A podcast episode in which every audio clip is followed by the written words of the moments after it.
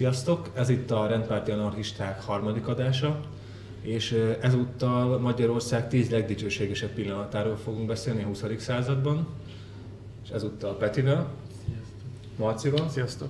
én még Ge- Gergő vagyok. És akkor kezdjük is el szerintem egyből. A tizedik a listán ö, Magyarország sportteljesítményei. Akkor Marci, ez a Ortod elsősorban. Igen, hát először köszöntök mindenkit.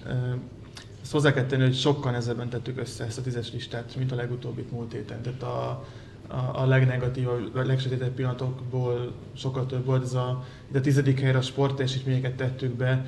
Ugye a, gondoljunk az olimpiai aranyérmekre, az aranycsapat teljesítményére, például ugye az 52-es Helsinki olimpiára, ahol ugye 16 aranyérmet nyert a magyar küldöttség. Ezek nagyon-nagyon szép eredmények, de azért fele akkora fajsúlyuk nincsen, mint mondjuk a legsötétebb pillanatokból bármelyiknek gyakorlatilag. Illetve egy picit ilyen, ezek a sportteljesítmények egy kicsit ilyen hamis képet állítanak az országról, hogy, hogy mi sportos nemzet vagyunk. Ugye ez egy ilyen, mi ezt hiszik hogy sportos nemzet vagyunk, miközben ugye az van, hogy a, a sörrel a kezünkben ekkora hassal ülünk otthon a tévé előtt, és akkor nézzük azt, hogy a hosszúkat milyen jól úszik, miközben mi fel sem bírunk kelni a fotelból, mondjuk a kezünk segítsége nélkül. Hát igen, a tömegsport meg az élsport az eléggé Az- elkülönül az Magyarországon egymástól. Igen, de nincs is még egy olyan nemzet egyébként a világban, ahol, ahol az élsportok ennyire jók, hiszen lakosság arányosan a legtöbb olimpiai aranyéremmel mi rendelkezünk. Talán, talán egy ilyen kis sziget van, ami jobb, de mit ott tök kevesen laknak. Mellette meg ugye a, a világ, hát hogy azt mondom, a legegészségtelen nemzet a magyar, akkor lehet, hogy nem tévedek, de hogy a top 5-10-ben biztos, igen, hogy a ott top- vagyunk benne. Tehát, ez egy ilyen, a sportteljesítmények parádésak, a profi sportteljesítmények, a, a lakosság sport beli hozzáállása, meg, meg mozgás kultúrája, az meg kritikán aluli. Hát például az elhízásban is azért felveszük a versenyt már hamarosan az USA-val. Igen. Még ők még előttünk állnak jelenleg. Igen. Hát a, elvileg a negyedik legelízottabb ország mondjuk a világon egy statisztika Mhm. alapján. Én nem igazán gondolnám, hogy ezek a sportteljesítmények annyira ilyen, ilyen büszkeségre adhatnak okot. Hát azért valamilyen szinten igen, de Azért, mert egy, egy ugyanolyan állampolgárságú ember, mint te, az nyere valamit, ahhoz neked olyan sok közöd nincs. Jó, de Ez akkor, egyetértek egyébként. jó, de akkor ilyen alapon meg akár semmelyik a listán az nem érdemel ilyen bemutatást, mert azt is csak ugyan olyan emberek hajtották végre, akik olyan nemzetiségűek, mint te. Szóval akkor azok... De, de most érted, tehát az országról beszélünk. ja, igen. Én most csak arra mondom, ho- hogy, hogy aki arra büszke, hogy már a hosszú Katinka nyert az olimpiát. Ja. Tehát most itt egy konkrét izére gondoltam. Meg, tehát, hogy, hogy nyerünk az olimpiákon, oké, okay, de, de érted, olyan sportágokban versenyzünk, és azokban nyerünk, amiben más ország mondjuk nem annyira jó.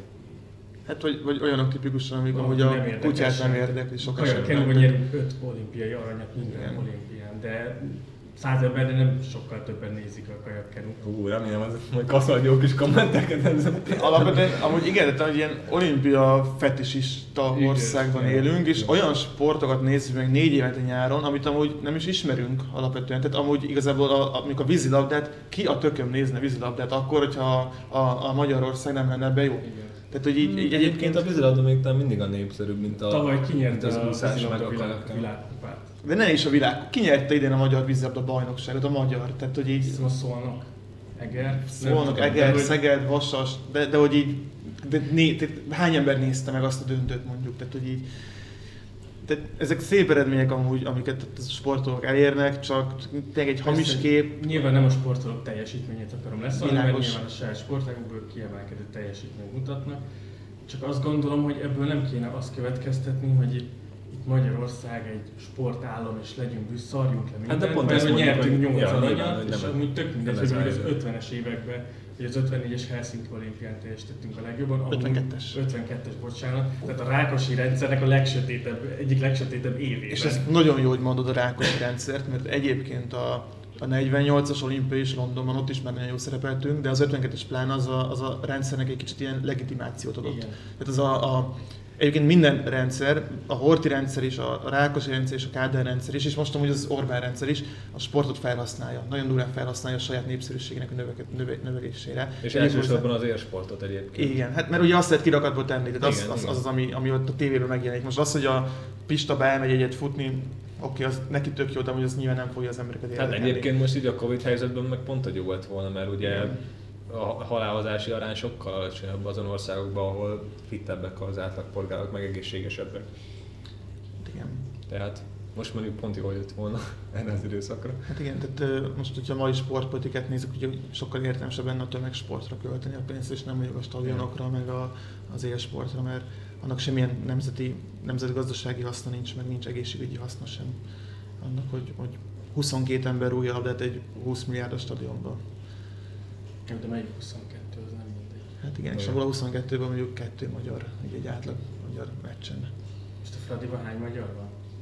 Három, Azt hiszem, négy. Kettő, három. De most abban is van, aki már elment, tehát most beigazoltak valami ciprusi királyt, mit tudom én. Vagy most az A EB. migránsok játszanak meg. Én az EB is egy érdekes téma, hogy picit így belemegyünk, hogy a, a magyar keretben több olyan játékos van, akit a szerbek neveltek ki, mint a helyet a Fradi, a Felcsút, meg a Kisvárda, ez három viszont kiemelt klub a magyar összesen. Három játékos köszönhetünk a szerbeknek, a Fradinak meg a Felcsútnak köszönhetünk talán egyet, egyet, de ilyen félig meddig voltak ott utánpótlás korosztályban egy-két évet, Kisvárdának meg egyet sem. Tehát, hogy így a magyar Azért futball... a Kisvárda azért Jó, de figyelj, Államilag kiemelt akadémiáról beszélünk Oké. amúgy. De amúgy ez is bemutatja azt, hogy Magyarországnak mekkora a vonzereje, mindenki ide jön a környékről. Igen, Tehát, hogy focisták, és az orvosok annyira nem. ők nem. De a látványsportot űző sportolók a környékbeli országokból mindegyiknek állam az, hogy Magyarországra jön sportolni, mert itt vannak olyan fizetések, nyilván nem piaci alapon, hanem a te meg, a, te meg az én adomból, hogy ezt így el, elviselje ez a rendszer. Ezért kell adót csalni. Igen, amúgy ezért kell Nem katázni. lopja el más. Ja. Inkább én lopjam el, mint egy szerb focista. Térjünk rá a kilencedikre a listán, ami a Nobel-díjasaink. Ugye ez is egy kicsit, hát erőltetett talán olyan szempontból, hogy ugye itt még mindig nem történelmi pillanatokról beszélünk, mint legutóbb ugye a tíz legsötétebb pillanat kapcsán. És hát ez is abból adódik, hogy a 20. század az Magyarországnak egy nagyon sötét évszázada volt, és sokkal-sokkal több a negatívum, mint a pozitívum, amit mi ki tudtunk volna emelni. De az tény, hogy a Nobel-díjasaink azok tényleg hatalmas eredményeket értek el, főleg ahhoz képest, hogy milyen kicsi ország vagyunk, ugye? Hát én hasonlóan vagyok ezzel, mint a sport. Tehát, hogy oké, hogy sok Nobel-díjasunk van, de úgy tudjuk, hogy más országnak hány Nobel-díjasa van? Tehát tudjuk, hogy mondjuk a Romániának hány Nobel-díjasa van? Mert nekem lövés Fejből nem, azt mondom, hogy lakosság arányosan ebben sem vagyunk rosszak egyébként. Tehát ebben is a lakosság arányosan ott az ilyen vagyunk. de ettől okosak leszünk? Tehát attól az átlag proli okos lesz, hogy a, hogy a nem tudom, a Szent György a C-vitamint felfedezte, tehát attól a nem, tehát milyen. Meg ugye a Nobel-díjasaink, ugye, ugye, ugye a Nobel-díjasaink ilyenkor magyarok. Amúgy, amúgy büdös zsidók, az átlag magyarnál ugye az a reakció rájuk, hogy büdös zsidók, de amikor Nobel-díjat nyernek, akkor ők magyar Nobel-díjasok, és a magyar büszkeségnek a, a, a, a memento és a magyar, nem is tudom, kulturális fölénynek a, a megdicsőlése az, hogy ők Nobel-díjasok lesznek. Az más kérdés, hogy a Nobel-díjasok többségét ugye sikerült elődözni innen is Németországban, meg az Egyesült Államokban alkottak, meg éltek, meg Csak a Szent Györgyi volt itt. Igen. Hát igen, nagy, nagyon sokan vannak, akik ugye emigrációban kaptak, Nobel- sőt a legtöbben úgy kaptak elsősorban Nobel-díjat. Na Mondjuk akkor ez szerintem Magyarországra azért jellemző, hogy egy ilyen 40 évente elüldözi az értelmiség nagy részét. Karikó Katalin mondjuk erről most pont tudna mesélni. Aktuális téma. Tehát megcsináltuk a 20. század elején, 56-ban a két világháború között a zsidókra. Igen. Nyilván rájuk nincs szüksége az országnak. Hát Amerika pedig köszönte szépen is. Felszívta ugye azokat a tudósainkat, akik, akiket mi tényleg elüldöztünk, tehát pusztán a származások miatt menniük kellett. Tehát, hogyha ők nem mennek el innen, többségük, akkor nem Nobel-díjas lesz, hanem, hanem mondjuk Auschwitzban rab. Valószínűleg, tehát akik abban a korban éltek. Hát vagy, vagy szimplán az, ugye nem azért csak zsidók kaptak Nobel-díjat, de hogyha ugye esetükben, akik meg mondjuk magyar állampolgársággal rendelkeztek, ők meg nem tudtak volna kiteljesedni az adott tudomány területen belül, mert egyrészt nem támogatta úgy az ország azt a tudományterületet, meg hát teljes egészében államilag volt, irányítva a gazdaság, meg a tudomány is. Tehát azt lehetett csinálni lényegében, amit előírta a szovjet pártvezetés. Tehát ebből is látszik, hogy mennyire hatékonytalanul működik egy ilyen ország, amit teljes egészében felülről irányítanak, és hát igen, az értelmiség, akik tényleg a technológiai újításokat végrehajtják, azok külföldre mennek, ahol szabadabb a levegő. És ugye ez történt Magyarországon is. Ez sok mindent elmond erről az országról, hogy mondjuk az egyik legnagyobb 20. századi gondolkodónk, a Bibót, őt berakták egy könyvtárba könyvtárosnak, ahelyett, hogy valami hasznosabb dolgot is csinálhatott volna. Hát vagy Vörös Sándor gyerekverseket írt, meg ilyen, tehát hogy így igen, tehát dicsőséges pillanatokról beszélünk elvileg, de egyelőre túl sok öröm és dicsőség nincs ebben a beszélgetésben. Na jó, van, akkor eh, említsünk még, azért fussunk végig a listán Nobel-díjasainkon, akik úgymond ismertebbek, szerintem azért megemlíthetjük a neveit, például ugye nyilván szerint uh, Györgyi Albert a legismertebb, ugye a C-vitamin felfedezésére elsősorban, akkor van még Lénát Fülöp, akit uh, érdemes említeni, Békési György, Gábor Dénes, Wigner Jenő, Harsányi János. Igen. Azért szerintem jó volt azért megemlíteni, legalábbis, hogy, hogy kikről persze, beszélünk, persze. és akkor szerintem mehetünk is a nyolcadikra a listán, ami a Trianon utáni gazdasági talpraállás. Na hát szerintem ez már egy konkrétabb pont, meg ami mm, úgymond általánosságban jobban befolyásolta Magyarország átlag lakosságát összességében szerintem. Nyilvánvalóan ez hatással volt. Kérdés az, hogy ez mennyire dicsőséges pillanat.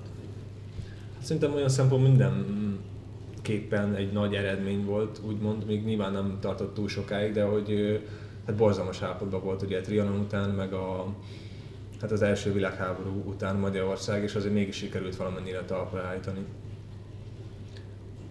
Most, most ez kérdés, hogy mennyire sikerült talpra állítani. Igen, Most a mihez képest Élet, életszínvonal az kritikán alul, tehát hogy balkáni színvonalon éltek emberek az országban, eközben az arisztokrácia fönn a budai várban mulatozott. Tehát, hogy, hogy Hát jó, nyilván csak, most ez nem csak Magyarországra volt igaz a borzalmas életkörülmény. Igen, ahhoz Nyilván. képest, hogy a, hogy a trianoni békediktátumnál a, ugye a jóvátételi díjak megfizetése, meg azt, hogy ugye a románok gyakorlatilag lerabolták az országot, tehát ami mozdítható volt, azt vitték ugye innen 18-as megszállás után, meg ugye a Trianonnál is ugye iszonyatos mennyiségű pénzt, meg mindenféle javakat kellett fizetnünk a kis Antant tagjainak, ahhoz képest mondjuk azt, hogy, hogy egyáltalán valamit maradt ebben az országban, és, és valamennyire azért működött ez az ország, és mit tudom én, nem az lett, hogy é- éhénységek mondjuk azért nem söpörtek végig a, Hát az azért országon. mondjuk volt Nyilván az voltak olyanok, akik éheztek, meg, azért- igen. igen, de mondjuk ilyen holodomorhoz hasonlítható éhénységre gondolok, Nyilván, tehát olyan, olyan azért nem volt. de egy mezőgazdasági országban az nehéz is lett volna. Hát de Ukrajna is. Nem halt ki az ország, az pozitívum. Igen.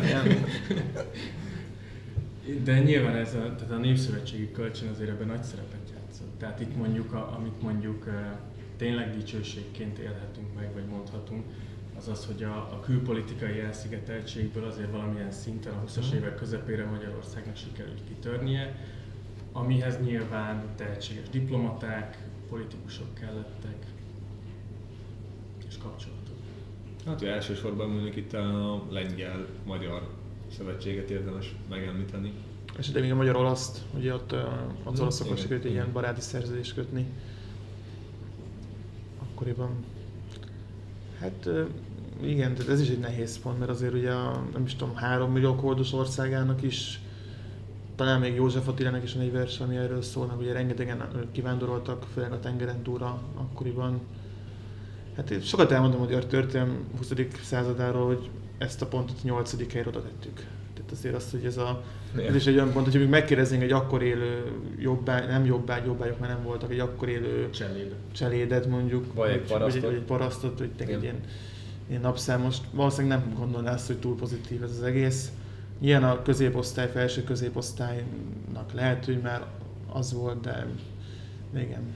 Hát ugye, ja, meg az infláció hatására azért az nagyon durva volt, hogy az emberek egyből elköltöttek ugye minden pénzt, amit kaptak, mert pár óra alatt úgy elinflálódott a vagyonuk, hogy kb. semmit nem tudtak venni rajta.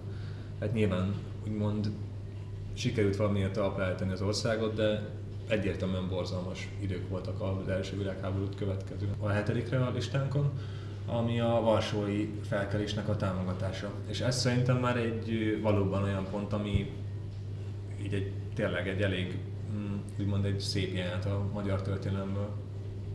Szerintem. Igen, ez egyértelműen, hogy ha szembe megyek azzal, amit az előbb mondtam, akkor erre tényleg büszkék lehetünk, még ha nincs is hozzá semmi közünk, csak hasonló állampolgárú emberek valami jót csináltak. De nyilván itt, itt azért megmutat, jobban megmutatkozik az, hogy, hogy mi talán mégse a, az utolsó csatlós szerepét játszottuk el a második világháborúban. Vagy hát nem teljes mértékben. Inkább ez a vonalkodó csatlós mm. voltunk végig, aki azért nem teljesen akart megfelelni a német elvárásoknak. És nyilván az, hogy itt konkrétan Varsó esetében teljesen szembe ment a német vezetéssel és a német hadsereggel, ez szerintem azért erős bátorságra és kiállásra val. Szerintem mondd el egy kicsit a nézőknek, hogy konkrétan miről van szó, mert ugye ez a Varsói felkelésnek a tanultás, ez egy olyan dolog, amiről szintén egyikünk se tanult a töri órákon, és túl sokat mi sem tudtunk róla, amíg te nem mondtad ezt. Tehát hogy a, lehet, hogy a nézők se tudják, hogy konkrétan Lényegében itt az történt, hogy, hogy a Varsói felkelés idején, amikor a németek már körülzálták Varsót, magyar csapatok is támogatták a németeket. Nyilván a németek itt már 44-ben azért nagyon számítanak a, a szövetséges országokra, mivel a, a anyagi és emberi erőforrásaik már bőven, bőven a tűrés határaikon túl vannak, így magyarok, szlovákok, románok, olaszok, tehát egy viszonylag sok nemzetiségű ilyen szövetségi haderő kerítette be Varsót. Viszont a magyar csapatok, azok sok esetben megtagadták a parancsot, tehát nem lőttek a lengyelekre, illetve, illetve azt hiszem olyan történet is volt, hogy elfogott lengyel felkelőket a magyarok elengedtek, miközben a, a németek azt akarták, hogy nyilván ott az erdőbe végezzék ki őket. E, nyilván ez azért a németeket erőteljesen zavarta, így azt hiszem elég rövid idő után el is ki is vonták onnan a magyar csapatokat, és hát le is verték a varsói felkelést. Úgyhogy röviden azt hiszem ennyi, ennyi történt.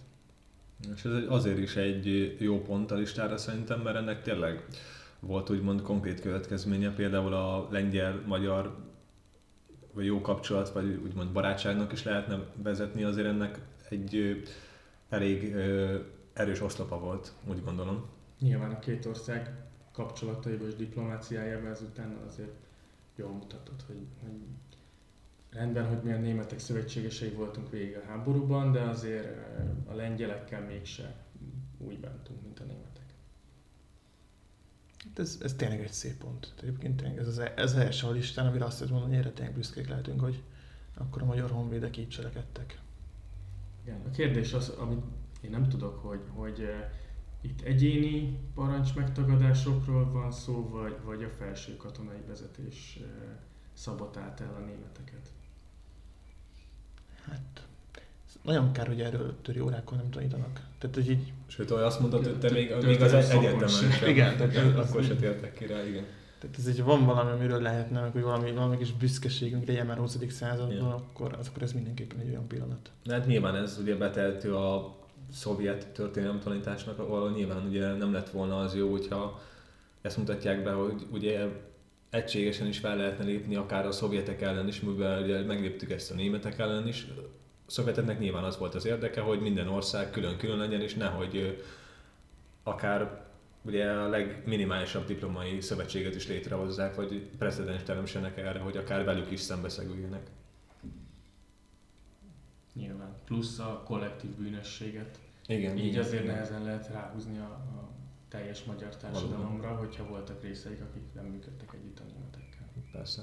Hát ja, meg ugye az meg is uralkodjál, az nyilván abban is akadályozta volna ezt kicsikét a szovjet vezetést. Na jó, akkor rá, rá is térhetünk a hatodik pontra a listán, ami pedig a nyugati orientáció, illetve annak a elindítása sok téren, mert ugye az Európai Uniós csatlakozás csak 2004-ben realizálódott, de ennek ellenére a, fele ugye a 90-es évektől azért tényleg elkezdett egy, hát már elkezdtek ugye a tárgyalások is zajlani ezzel kapcsolatban, illetve azért, hát igen, elkezdtünk. 91-től már társult tagország voltunk, azt hiszem. Igen. Ugye a rendszerelt ország közül az elsők között voltunk a Igen. csehekkel, talán a csehekkel először mi ketten, vagy talán a lengyelekkel három, sem tudom pontosan. Ugye akkor Csehszlovákia volt. Meg hát ugye NATO tagok lettünk 99-ben, ezt felejtsük el. Pont, igen. És ott is a, a, az egykori Varsói Szerződés országai közül ugye az elsők között voltunk, az első hullámban, akik beléptek a, a NATO-ba is, meg ugye az Európai Unióban is tagok lettünk végül.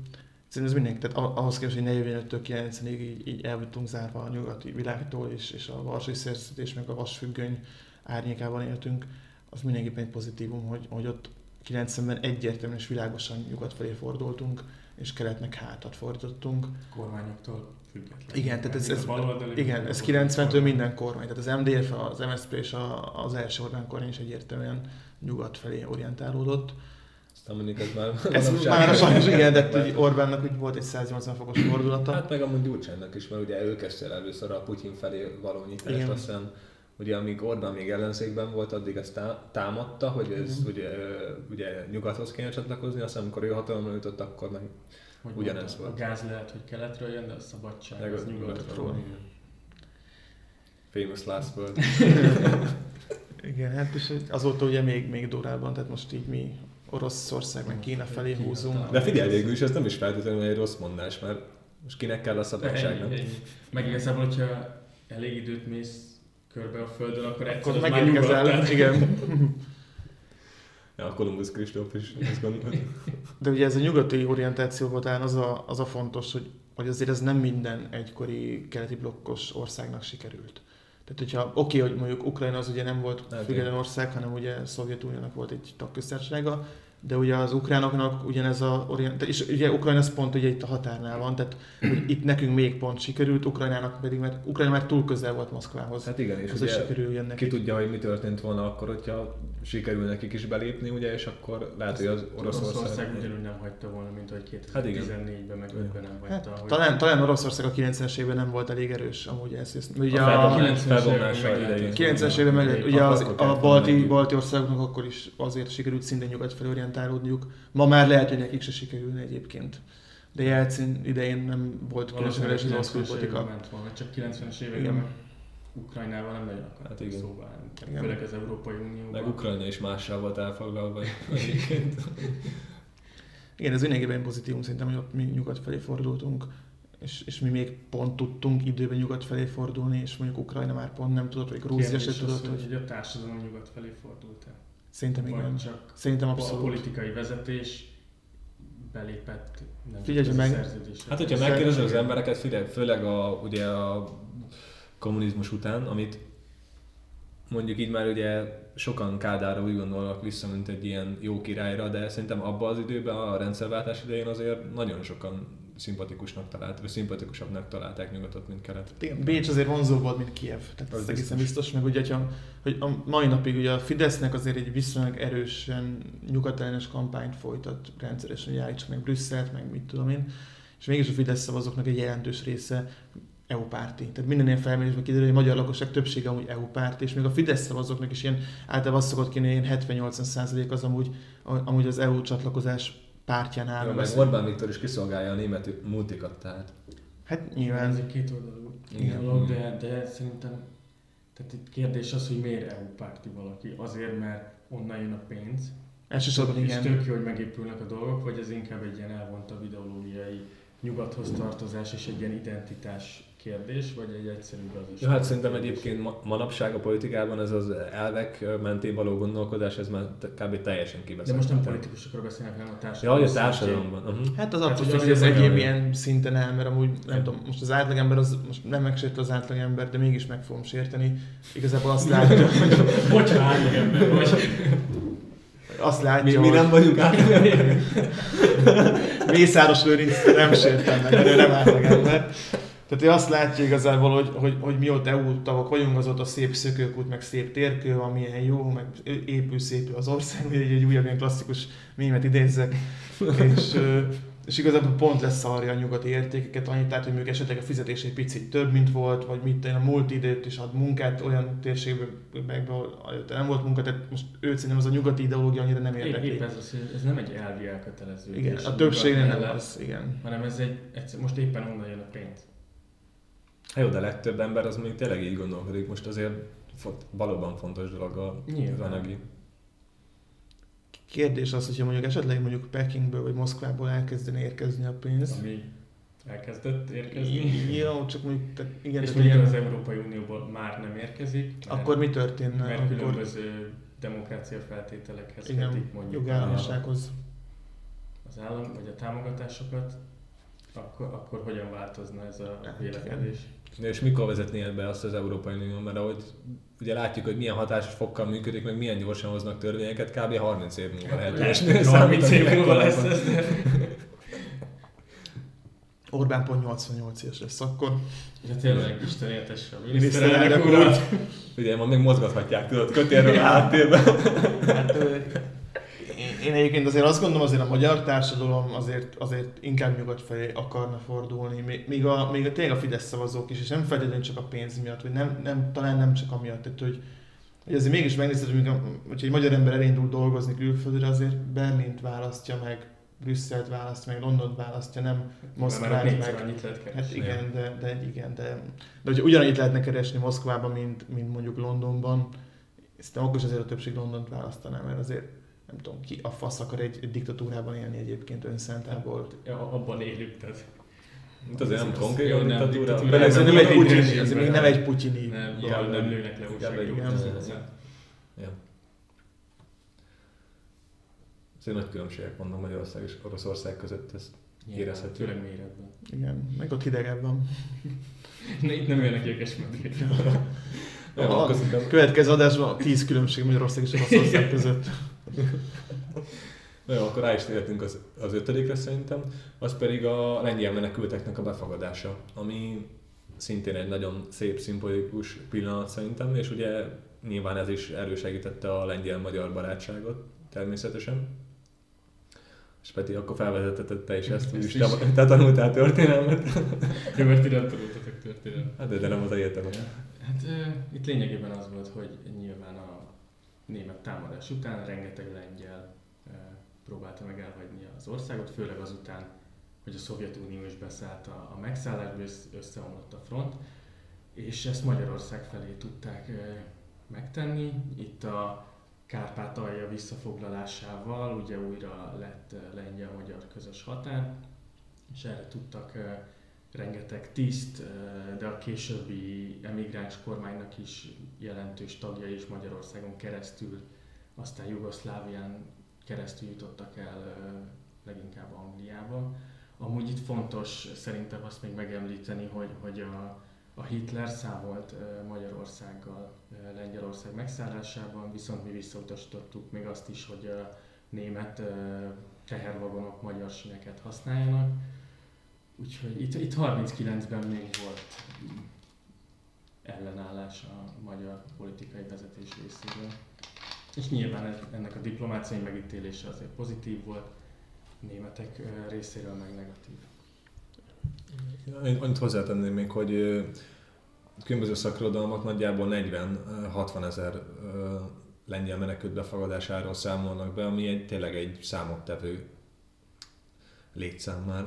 Hát Főleg annak tükrében, hogy azért a többségükre ugye katonatisztek voltak, kormánytagok, És a család. családjaik meg ugye értelmiségiek főként, akikre azért jó esély a halál várt volna. Tehát, hogy így a halál, azért a németek a, az értelmiséget, a lengyel értelmiséget úgy viszonylag mészárolták. Hát meg, a, Meg a- oroszok is. meg az a oroszok is, igen, tehát- izé, ami kiderült Igen. utólag, tehát hogy Tehát itt, itt nem az volt, hogy mondjuk a diktatúrától mentettük meg őket, hanem konkrétan az életüket mentettük meg ezzel a lépéssel, úgyhogy ugye túl voltunk a Bécsi döntésen. Tehát, hogy így annak ellenére is, hogy, hogy visszakaptuk a trianon utáni területek egy jelentős részét, ugye megtagadtuk a, a német kérést. Ez mindenképpen egy pozitívum, tehát ez Igen. Tehát végül is látszik itt, hogy, hogy eh, ugyanaz, amit az előbb is említettem, hogy Magyarország azért nem feltétlenül akar teljesen aláfeküdni a németeknek, csak hát a nemzetközi környezet az úgy változott viszonylag rövid időn belül, hogy nagyjából nem volt más realitása a nagy politikának. Hát igen, nem volt túl sok szabad tére mozgásra Hát, Magyarország számára. után ne- 40-ben elesik Franciaország, egész Európát elfoglalták a németek. Tehát úgy Igen. És főleg, hogy ugye akkoriban még úgymond a, hogy pragmatikusan gondolkodtak a magyar vezetők, akkor is joggal gondolták úgy, hogy Németország lesz a, itt a győztes, és hogy már csak ezért is megéri. Tehát úgyhogy egy hónap alatt megverték. Franciaországot, hát Igen. ki tudja a németeket megállítani. Igen, és akkor a briteknél is az látszott, hogy, hogy sokan hitték, hogy kaput- kapitulálni fognak a britek is ugye a, a, a légi bombázások után, vagy a körül. Tehát akkor tényleg elég reménytelenek tűnt a helyzet a kontinensen, meg ugye a, elindult ugye a Szovjetuniónak a, a németek megszállás, ugye ott is majdnem Moszkváig eljutottak a németek, tehát ott, ott tényleg nem hiszem, hogy sokan gondolták volna azt, hogy, hogy itt nem ők nyerik meg ezt a háborút. Hát ne- 41 végén azért erőteljesen úgy nézett ki, Igen. hogy a németek behúzzák a háborút. mondjuk annak ellenére, hogy ugye decemberben belépett az Egyesült Államok, Igen. tehát ott 41 végére azért látszott, hogy, hogy de a 41-es évet azt egyértelműen a tengelyhatalmak vitték. Igen.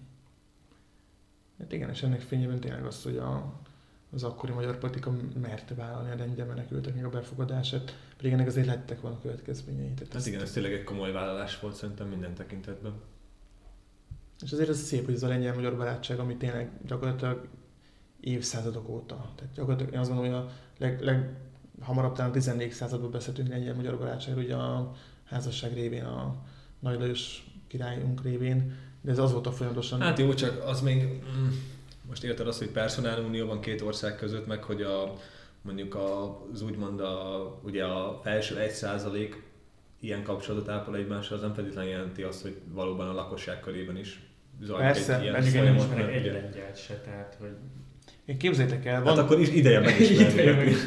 amúgy nagyon jó arcok. Én voltam párszor Lengyországban, nagy, tényleg nagyon nagy szeretettel fogadtak, mikor mondtam, hogy Jó. magyar vagyok, tehát az abszolút látszott rajtuk. És képzeljétek el, nem olyan rég volt a, van olyan, hogy lengyel-magyar barátság napja. Valamikor márciusban van, most pontosan nem tudom mikor. És egy teljesen random lengyel srác rám írt messengeren, nem tudom, hogy hogy talált meg, de tényleg, Tetszik a képen. nem is ismert. nem, nem ismertem semmit, tehát teljesen random lengyel srác volt, és ráírt, hogy, hogy bocs, nem ismerlek, meg nem akarlak zavarni, de hogy milyen a lengyel-magyar barátság napja van, ő eldöntötte, hogy ír egy magyar embernek, hogy, hogy boldog lengyel barátság napot, vagy mit, valami ilyesmit ír. Most konkrétan nem tudom, hogy mit, és így mondom, köztesó, tehát hogy így tök jó arc. Tehát ez a lengyel-magyar barátság az a lengyelek részéről én mindig azt érzem, hogy picit erősebb. Hogy ők jobban kedvelnek, jobban szeretnek minket, hogy az ő részükről talán jobban él ez a lengyel-magyar barátság, mint a mi részünkről. Hát, De lehet, hogy pont az ilyen dolgok, mint hogy itt az ötös meg a hetes pont a listán, hogy azért az, igen, ez lehet, hogy náluk az ő történelem tanításokban lehet, hogy ez sokkal nagyobb helyet kap. Én mikor Amsterdamban találkoztam lengyelekkel, nekik fingjuk sem volt erről a lengyel-magyar barátságról, nem is hallottak róla. Jó, de hát Tőlem hallottak először. Nyugatra emigrált, izé. Ja. Jó, meg most Amsterdamban. Lehet, hogy azt sem tudták, milyen bolygón van. annyi füvet szívtak már a memóriájuk, és teljesen kárba veszett. Lehet. A drog nem jó. Igen. Most jön akkor a listán negyedik pontja, polgárjogi forradalmak Magyarországon. Szerintem egy, ismét egy kardinális, egy fontos pontról beszélünk, hiszen 1919 előtt, amikor meghozták például a választójogi változtatásokat, akkor az országnak kevesebb, mint a 7%-kal rendelkezett választójoggal, ami hát ugye nagyon alacsony, ez belátható épp is, viszont még a környező országokhoz képest is tehát rekord alacsonynak számított. És ö, 19. ö, november 12-én kerültek elfogadásra ezek a változtatások, és abban ugye az volt benne, hogy ö, 24, minden 24. életévét betöltő, ez nőre és férfire is vonatkozott egyaránt, legalább 6 éves állampolgársággal rendelkező, vagy magyar állampolgársággal rendelkező ember részesülhetett a, vagy részt a választáson, és ennek következtében közel 40%-ra ugrott a választójoggal rendelkező állampolgároknak a száma, ami egy jelentős előrelépés, sőt ez akkoriban egyébként hát majdnem felért a, akár a svédek, meg a, hát a skandináv államoknak a mm, választó jog arányával rendelkezők számával. Igen, hát ez valóban egy viszonylag progresszív előrelépés volt az előzőekhez képest.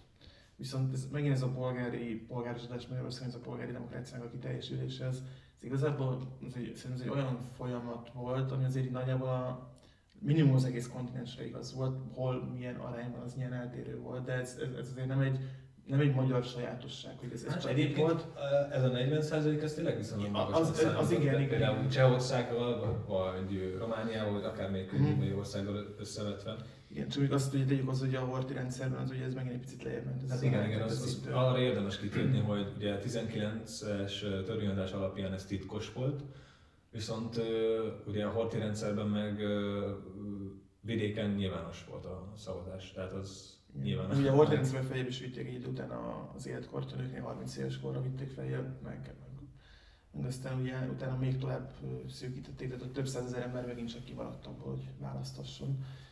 És az ugye a második világháború után újra lehetett ugye szavazni kétszer, és akkor utána megint sokáig. Hát lehetett Végül szavazni, volt, csak csak a hazafias Igen. jelöltjeire lehetett igen, és nagyon nagy meglepetésre mindig meg is nyerték ezt a választást. Igen, meg volt olyan állam is, ahol sikerült a százszerzalékot is túlépni.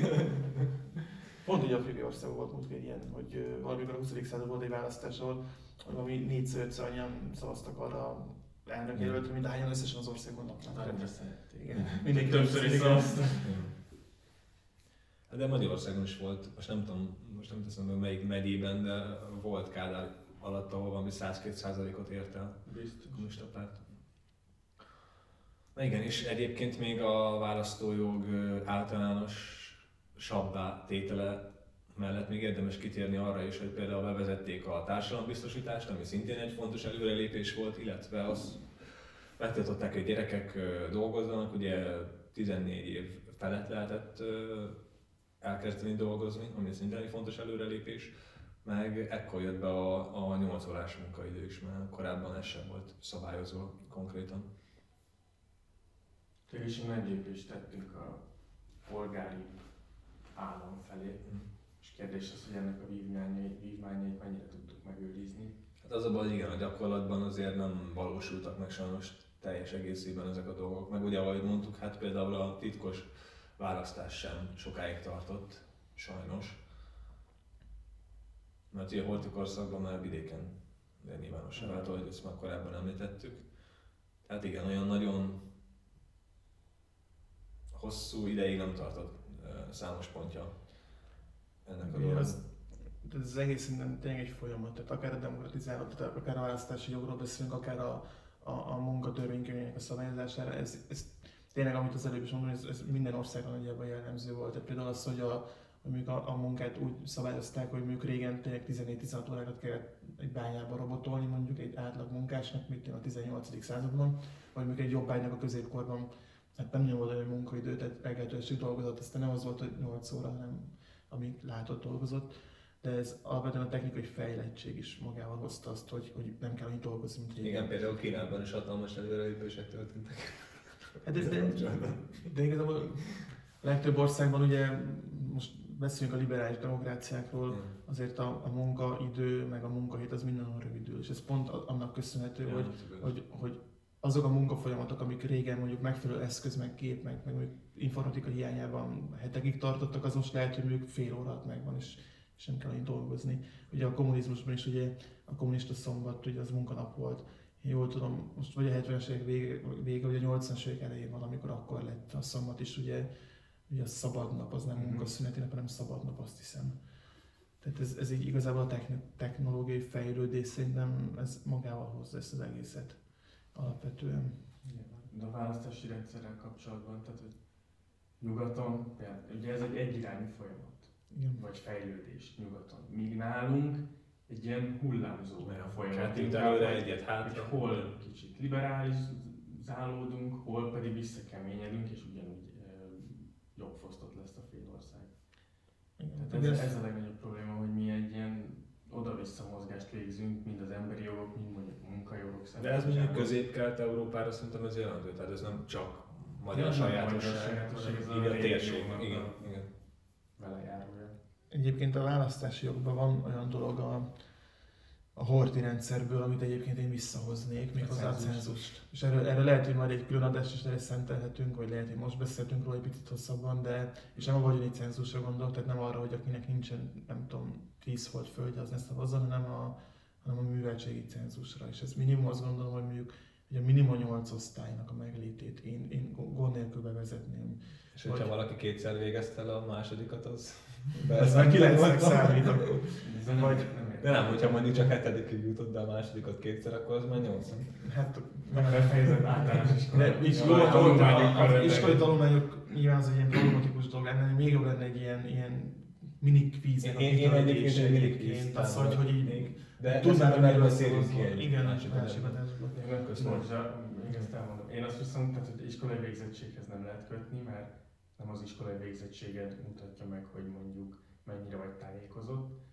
Ilyen quiz teszthez kötni, én mondjuk rendkívül megalázódnak érezném, hogy egy politológus diplomával itt a magyar állam ilyen teszteket rak elém, hogy töltsem ki, hogy Jaj, tudom azért talán, talán túl tudnád tenni magadat. Szerintem az mindenképpen jó, hogy az ilyen arisztokratikus előjogokat letörölték. Hát igen, a vagyoni meg a Igen. földi cenzust az... Az az egy- Jog, jog előtt mindenki egyenlő, ezek nyilván Hát, nagyon papíron. Igen. Csak valaki egyenlő. Igen. Bolt Péter országa egy picit. De hát ilyen mindig is volt egyébként. Meg valószínűleg mindig is lesz. Akkor listán a harmadik helyezett a pán-európai piknik. Na És ez, ez szerintem megint egy, egy szimbolikus jelenet, ami egyúttal nagyon fontos is volt szerintem Magyarország megítélése szempontjából elsősorban. Na, akkor most átadom a szót másnak is, mert lehet már kicsit sokat beszéltem. Nekem? Van nekem? Tényleg a pán-európai piknik az, az szintén egy nagyon szép pillanat volt a magyar történelemnek, a kevés szép pillanatnak az egyike. Hát az, hogy ott a osztrák határt gyakorlatilag megnyitottuk az NDK-s itt lévő menekültek előtt, és ők ugye el tudtak így jutni az NSZK-ba Ausztrián keresztül, és itt több tízezer emberről beszélünk, aki, aki akkor ugye átment a, a megnyitott határon. Ez, ez mindenképpen egy, egy abszolút pozitívum, és ugye ez a rendszerváltásnak, vagy a rendszerváltoztatásnak a, az egyik kulcsmomentuma volt, illetve tényleg az, hogy utána Magyarországon a külpolitikai megítélése egészen 2010-ig ö, nyugaton pozitív volt nagyjából végig, de legalábbis a 90-es években biztosan pozitív volt végig. Ez, ez nagyban annak köszönhető, hogy ott a Horn Gyuláék ezt meglépték. Hát Horn Gyula volt akkor a külügyminiszter, tehát Ez azért vicces ebben a sztoriban, hogy, hogy a Hondula nagy 56-tól, e- európai szellemiségű ember, megnyitja a határokat a szegény de mégis megtette, tehát nem Horn Gyula Igen, fan, de... Az MSZNP és elvtársak időben felismerték itt a, a Igen. Wind of Change. Igen. Meghallották a Scorpions. Igen, és Hát rájöttek, hogy itt már fölösleges itt. itt. Valószínűleg nyilván a politikai helyezkedés is szerepet játszott ebben. Persze. Ilyen ebben is volt egy kis kockázat amúgy, tehát azért a, akkor még a Szovjetunió állt és létezett is. Hát, és az szerintem nagyjából már tisztában voltak ekkor, hogy változás fog. Tehát én, én nagy kockázatot személy szerint ebben nem látom. Az egyetlen kockázat az NDK-val szembe lett volna, nem a Szovjetunióval. Mhm. Viszont az NDK meg nem igazán tudott megcsinálni semmit. Igazából ez tök jó volt Manuráiknak arra, hogy átmentsék az MSZNP-t az MSZP-be szerintem. Másrészt meg a, konkrétan a határzárat, azt hónapokkal előtte igazából lebontották már. Az a kép, amit mutogatnak, hogy a Hondula átvágja a vasfüggönyt, az vissza kellett építeni egy darabot, és az ilyen propaganda kép. Részben azért, mert uh, egyszerűen nagyon drága volt fenntartani a kerítést, főleg azért, mert nyugati technológiát használtunk rá, ami iszonyat drága volt megvenni, és ezért már a határőrség is azt mondta, hogy inkább le kéne bontani. Keleten meg jó kerítése tudnak Le kell bontani, mert hogy nagyon költséges, tehát mire az NDK-sok odaértek, addigra igazából már nem volt meg a, ez a határzár, úgyhogy a hongyuláink azért olyan nagy lyukat És mondták, hogy várjatok már, még ne gyertek! Igen. ettől főleg azt gondolom, ez egy szimbolikus pillanat. Nyilván ez egy nagyon szép a, a nyugati orientáció. Visszatérése az országnak a nyugati értékrendekhez, érdekszférában. Tehát Talán, talán a, a, a határőröknek a szerepét érdemes kiemelni, akik, akik ugye ott nem tüzeltek. Tehát ugye van az a vicc, hogy akár közénk is lőhetett volna, ugye Leninnel kapcsolatos, de ott a határőrök lőhettek volna. Tehát, hogy így, ugye ez vita, mai napig vita, hogy, hogy volt-e tűzparancs, nincs tűzparancs. Elvileg nem volt tűzparancs, viszont utána olvastam a témának, ha határsértés volt, akkor ott a határőrnek elvileg viszont tüzelnie kellett volna. Mhm. És ugye ott a, az egyik határőr sem tüzeltet. Hát itt nem volt tavasz. De egyébként nagyon-nagyon rossz. Egyébként nem sok előtte volt az utolsó NDG-s, akit lelőttek, akiről nem is olyan rég egy ilyen dokumentumfilmet is csináltak őt. Ugye ez is augusztusban volt, és pár nappal, pár héttel előtte volt egy utolsó NDG-s menekült, akit egy magyar határőr agyon lőtt. Aha. Erről, erről nem olyan régen csináltak egy dokumentumfilmet, illetve vannak a NDK srácnak az özvegye találkozott Német Miklóssal 2010-valahányban, és Német Miklós ott nyilvánosan bocsánatot kért tőle, meg, meg ilyenek. De, de, de hogy ott a pán-európai piknik, piknik előtt pár héttel még ott lőttek Mhm. embereket. Tehát ez nem, nem, nem, ilyen szempontból nézve, abban a történelmi kontextusban nézve azért ez egy nagy dolog volt, hogy ott Mindenképpen. Tehát ezt nem, nem vitatom el. Az embereket belőle. igen, az, az igen, tehát Jó, hát most igazából minden történetnek megvan a saját ugye, Persze. politikai sajátossága, hogy hogy használja fel a politika, meg ilyenek, de ennek ellenére is egy pozitív Én vagyok pessimista. Geci és mindenben találom Alapvetően- Ezért hívunk ide.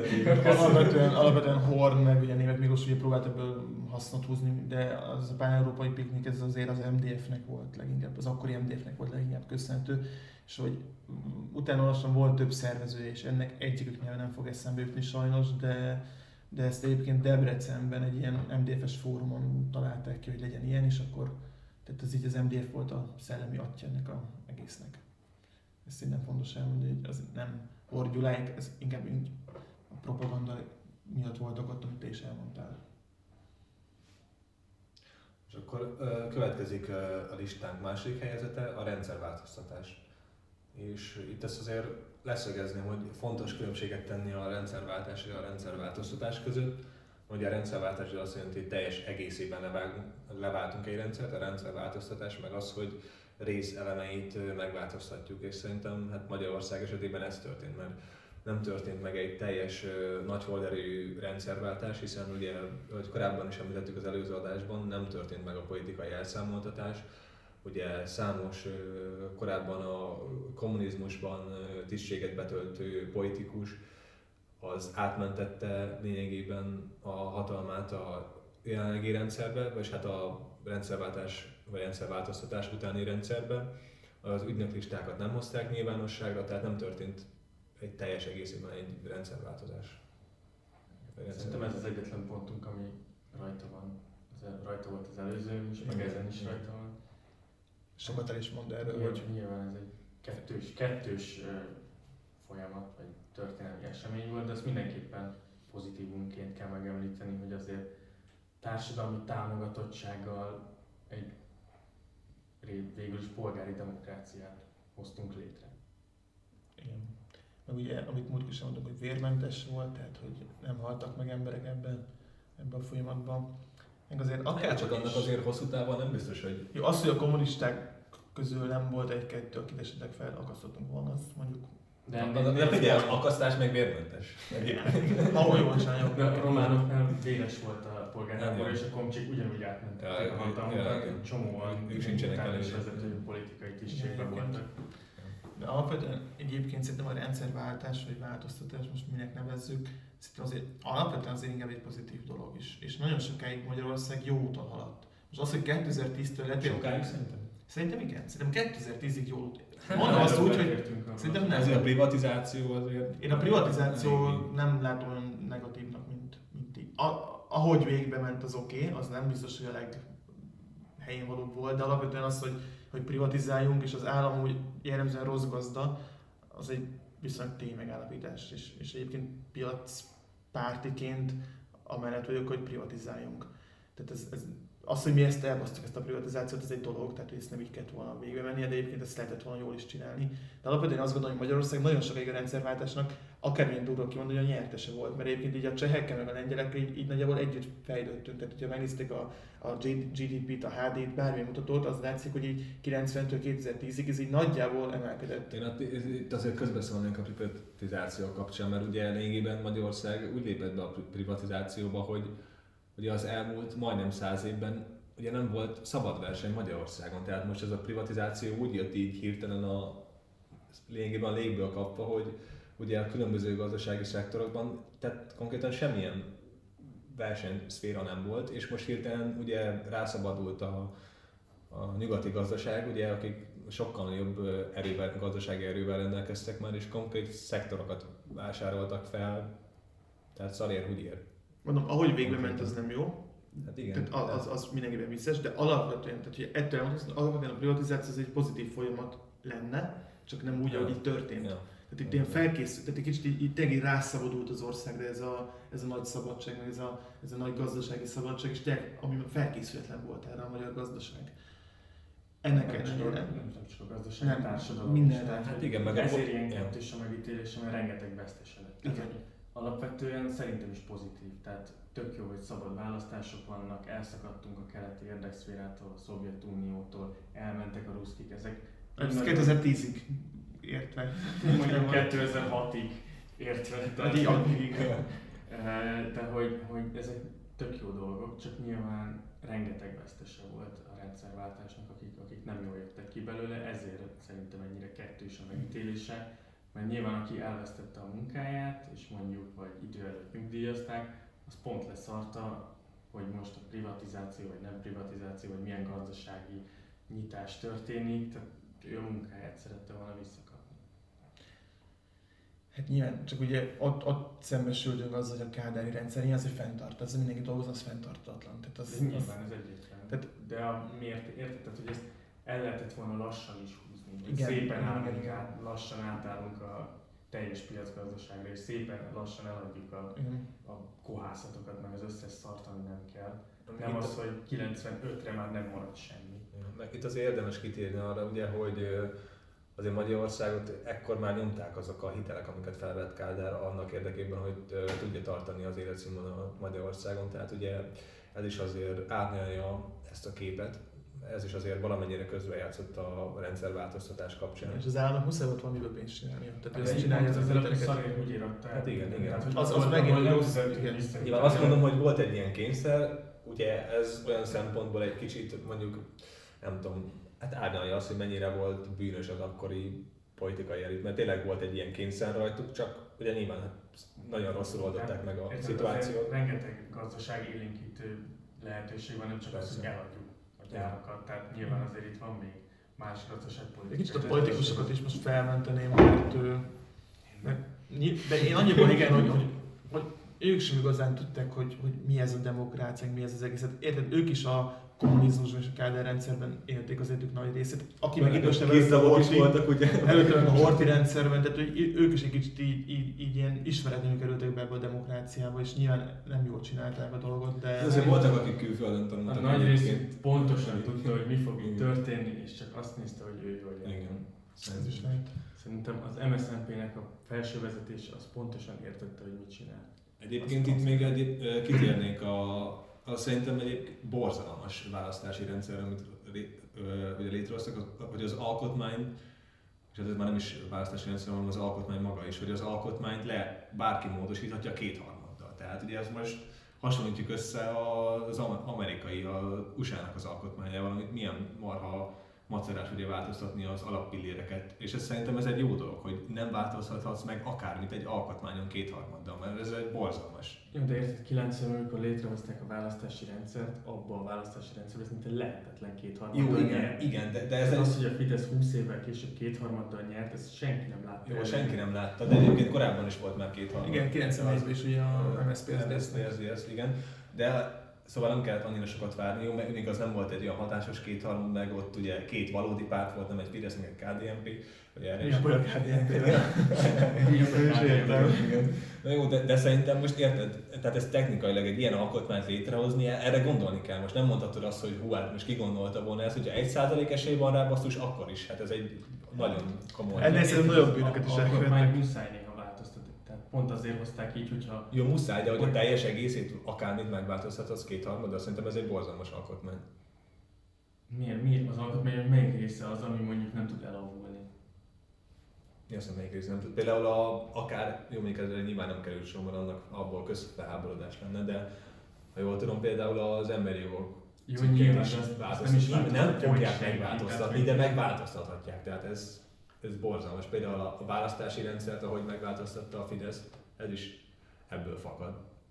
Az Nyilván bölcsebb lett volna ezt mondjuk 4-5-ös felhatalmazáshoz kötni, vagy népszavazáshoz kötni. Mondjuk a 2011-ben azt is át volna. Jelenleg nagyjából minden. Vagy, vagy értékúzással. Igen. Tehát, hogy Ilyen ez 90 az egy nehéz volt előre látni, de ettől függetlenül tovább is azt gondolom, hogy az egész 90-es folyamat minden, minden negatívumával együtt is azt gondolom, hogy, hogy inkább pozitív és inkább előremutató dolog volt az a rendszerváltás. Voltak olyan személyek is, hogy például Gönc Árpád köztársaság elnöknek választás az egy abszolút pozitív dolog, hogy egy olyan, ami... Na igen, igen, azt értem. A múltkori listára fölvettük volna, hogy mikor kifütyülték a kisgazdák a... Hát meg a neonácik, igen. 92 körül és nyilván sokan szenvedtek a rendszerváltását, tehát sokan elveszítették a munkájukat, de ez az egész térségre jellemző volt, és hogy tényleg bármilyen grafikon megnéztek a, az ilyen munkanélküliségi, rátá, munkanélküliségi rátáról, azt látszik, hogy, hogy, hogy egy hatalmas zuhanás. Ezt 90 után... Ott nem. Én, én például a Baltikumot tudom, meg a lengyel v hogy ott, ott elég komoly zuhanás. De a Baltikumból még neoliberálisabban álltak neki, mint mi, vagy a lengyelek. És mondjuk az észtek elég komoly győztese is lettek ennek az egész történetnek egyébként. Hát igen, hosszú távon. Észtország az, az egy legfejlettebb. de ha azt nézed, Szlovénia meg mondjuk épp az, hogy ilyen neoprotekcionista politikát folytatott, és mégis a térség vezetői. Egyébként szerintem akkoriban nem ártott ez, mert ugye, ahogy korábban kitértem erre, ugye a, gazdasági szektor az ez egy ismeretlen volt a versenyfogalma, tehát nem ártott volna még egy pár év pro- Protekcionizmus. protekcionizmus, igen, ezzel akadtam el. Tehát bőven belefért volna, hogy mondjuk a stratégiai fontosságú üzemeket, azt legalább egy pár évig megőrizzük, mondjuk kicsit feltőkésíti a magyar állam, mondjuk Kérdés, hogy lett volna miből, nyilván igen. nem, hát épp azért kellett a nyugati tőke, Igen. mert tőke hiányban voltunk. Nehéz időszak volt, az biztos. Tehát azért az, hogy, hogy, hogy tőke hiány van, hogy adósságot kell fizetni, de hogy valahogy a, a jólétet is vagy meg kellene próbálni tartani, tehát ezért ez nem volt egy egyszerű történet. Nyilván ez egy És az is biztos, hogy elbaszták. Tehát az is egészen biztos, hogy amit lehetett, azt elrontottak akkor. Tehát ez vigyán felül áll. Káromkat te is, Peti. Igen, Ennyi tehát hogy, Károm, hogy hogy nehéz helyzet volt, bassza meg, de hogy, hogy szerintem egy nehéz helyzetben a lehető legrosszabb döntést hozták meg minden szempontból. Tehát, hogy lehetett volna teljesen más döntéseket hozni, és nem biztos, hogy, hogy, megsérli a magyar társadalom a, a rendszerváltás. Miért van Kádár nosztalgia most? Egy normális országban, ami rendesen rendszerváltott, vagy normális polgári demokráciában nem kéne, hogy Kádár nosztalgia legyen. Hát Egy- de- egy de Egyébként Romániában is van Ceausescu nosztalgia, ott is kezd kialakulni ez. ez nagyon Az nem- még- még meglepőbb Nem volt enni, bazd meg, és, és, és csak is ez. Igen. De egyébként a Kádár nosztalgia az annak is köszönhető, hogy sokan marhán nem voltak azzal a tisztában, hogy azt hitelekből finanszírozta Kádár, ugye az akkori jólétet. Persze, hogy nem. De érted, most Hát elmondod neki, hogy de az, az nem ingyen volt, az tök mindegy. Jó, de most Hát ebben az országban, tehát Kádár országában, ugye az az átlagembernek, meg az átlagembert hozom fel, engem nagyon az átlagember utálni fog engem. van az átlag szavazó. igen, igen. Tehát, hogy így a minden, ami ingyenes, azt, azt hiszi az ember, hogy az, az valójában ingyenes. Tehát mondjuk a ingyenes egészségügy, az a hiszik sokan, az ingyen, az jár, az valahogy jár. Mint a káder rendszerben az egy kicsit így, így nevelték az embereket, hogy az állambácsi ad, és az jár neked. Csak ugye abban nem gondolnak bele, hogy az, az, az, valonnan kell arra pénzt teremteni, és hát a káder ezt hitelekből oldotta meg. Most meg ugye abból oldjuk meg, hogy mondjuk adózzunk, és akkor abból a redistribúció megvalósul, de de igen, tehát ezt az átlagember, meg a legtöbb ember tényleg tudta, hogy itt hitelekből van ez az egész jó lét, ez a gulyás kommunizmus. És hát ez, ugye mi volt? Volt munka, meg 360 ér kenyér, és, és ez hirtelen nem lett. És nyilván ez egy sok, ez egy sok volt az országnak, hogy hirtelen egy millió munkanélküli. Hát csak senki nem, nem készítette fel a társadalmat. Ez egy másik, a rendszerváltó elitnek egy nagy hibája szerintem, de lehet ezt múltkor is megbeszélni. Meg, hogy, igen. hogy egyszerűen a társadalmat nem készítette. De mindennek tükrében amúgy pozitív a rendszerváltás. És Annak ellenére, hogy több negatív volt. És a 20. század második legpozitívabb dolga lett ez a listán. Szabad A magyar, magyar vonatkozásban. Szűrös Mátyás kikiáltotta a köztársaságot, mondjuk ez önmagában ironikus. És akkor első a listánkon az 1956-os forradalom. Szerintem ez nem meglepő, az egyik legszebb pillanata, sőt szerintem igazából a legszebb pillanata a 20. századi magyar történelemnek. Ez egy igazi, szimbolikus kiállás volt a diktatúra és az elnyomás ellen. Nagyban beárnyékolja az, hogy ugye fél év elteltével meg megünnepeltük az ellenforradalom leverését, nyilván, de az 56-os forradalom az egyértelműen egy pozitív a magyar történelemben. Hát az a pár nap. Tehát az, az a pár nap is. Igen, nyilván nem a leverésre Igen. gondoltam. November 4 de, de igen, ez a pár nap az valóban az meg. Meg ilyen, hogyha hogy mondjuk ez is a nyugat felé a megítélésünkön ez sokat javított akkoriban is, meg, meg a mai napig sokan tudják, hogy ez az 56, meg azok az ikonikus képek, mikor ilyen tizenéves gyerekek fegyverrel a tankkal szemben állnak. Hát ez, ez tényleg egy ikonikus dolog a magyar történelemben. Más kérdés, hogy a végeredmény az ugye nem lett túl Hát igen. pozitív, és Minek lett az Igen. a magyar történelemben? igen, búslakodunk Orbán Viktor születés. Tényleg ez miért is rakta a listán? A megváltunk. Igen, de hát 56 mindenképpen egy forradalom és szabadságharcot is ki kell emelni, tehát külön-külön, és mind a kettő egy, egy jeles pillanata, vagy kiemelkedő pillanata a magyar történelmnek, amikor szabadság és a nyugati értékrend mellett elköteleződtünk. Nyilván itt, itt említetted, hogy beárnyékolja majd a, a következő 57 május 1, emellett szerintem másik beárnyékolja, tehát itt a forradalom napjaiban itt azért több esetben lincselések történtek, nyilván ami, ami egy forradalom váltában megtörténik, tehát 48-ban ugye voltak lincselések, de azért nyilván itt, itt azért ezt meg kell említeni, hogy, hogy azért ezek is vele jár ugye egy forradalom. De igazából egy forradalom nincs is nagyon ilyen események nélkül, tehát én nem, nem nagyon tudok most erre példát. Nagyon ritka az, amikor teljesen vértelenül zajlik, meg, meg egyébként most nyilván szörnyű dolog a, a lincselés magas, stb., de de mondjuk egy ávósot meg akkor ja. azért könnyeket nem fog odaítani érte. Ja. Csak most nem, most nem az, hogy ávós vagy nem ávós, tehát hogy, hogy uh, nyilván az ávóhoz is ugyanúgy soroztak. Minden más ilyen... Igen, biztos volt a túlkapás a fordalmárok körében. Volt, aki mondjuk nem biztos, hogy, Igen. hogy embereket vett az András út 60 és mégis felhúzották. Nyilván itt most nem arra akarunk arra akarom kihegyezni ezt az egészet, hogy a forradalmának az... Mindenki az az, ellenforradalom volt. Igen, tehát hogy, izé, de hogy, hogy mindenképpen ez egy, ez egy szép pillanat a magyar történelemnek. Igen. Mondjuk én hozzáteszem, és lehet, hogy most egy vitát fogok elindítani, hogy, hogy Nagy Imrének a szerepét én például baromira nem látom pozitívnak ebben az egész történetben. Meg úgy alapvetően Nagy Imrének a szemét. Ugye sokan a forradalom Nagy Imre ezért egyenlőséget tesznek, én nagyon nagy Imre ellenes vagyok egyébként, tehát az, hogy a forradalomban végül úgy, ahogy odállt a tömeg mellé, az egy dolog, de, de például az, hogy a, hogy a forradalomnak az egyik hőse Nagy Imre lett, az szerintem a, több más forradalom, forradalmának talán kicsit az elárulása, mert azért Nagy Imre a forradalomig amúgy végan ki szolgált ezt a rendszert, és, és ugyanolyan patkány volt, mint mondjuk Rákosi, meg Gerő. Tehát itt semmi különbség nem volt a módszerei, meg a elvei, meg a titulusai között egyébként. Tehát így a forradalmat nekem kicsit beárnyékolt, és gyanítom, hogy nem Nagy Imre volt az egyetlen kommunista, aki így vagy úgy átállt a forradalom oldalára. Hát igen, valószínűleg egyébként gyakorlati megfontolásokból is. Igen, igen, ez, ez, erre akartam kérdezni ezt, hogy... Én, én inkább azt látom, hogy, hogy párhuzamos események így véletlenül találkoznak. Tehát egyrészt van az utcai tüntetés és lövöldözés, és közben mennek az események.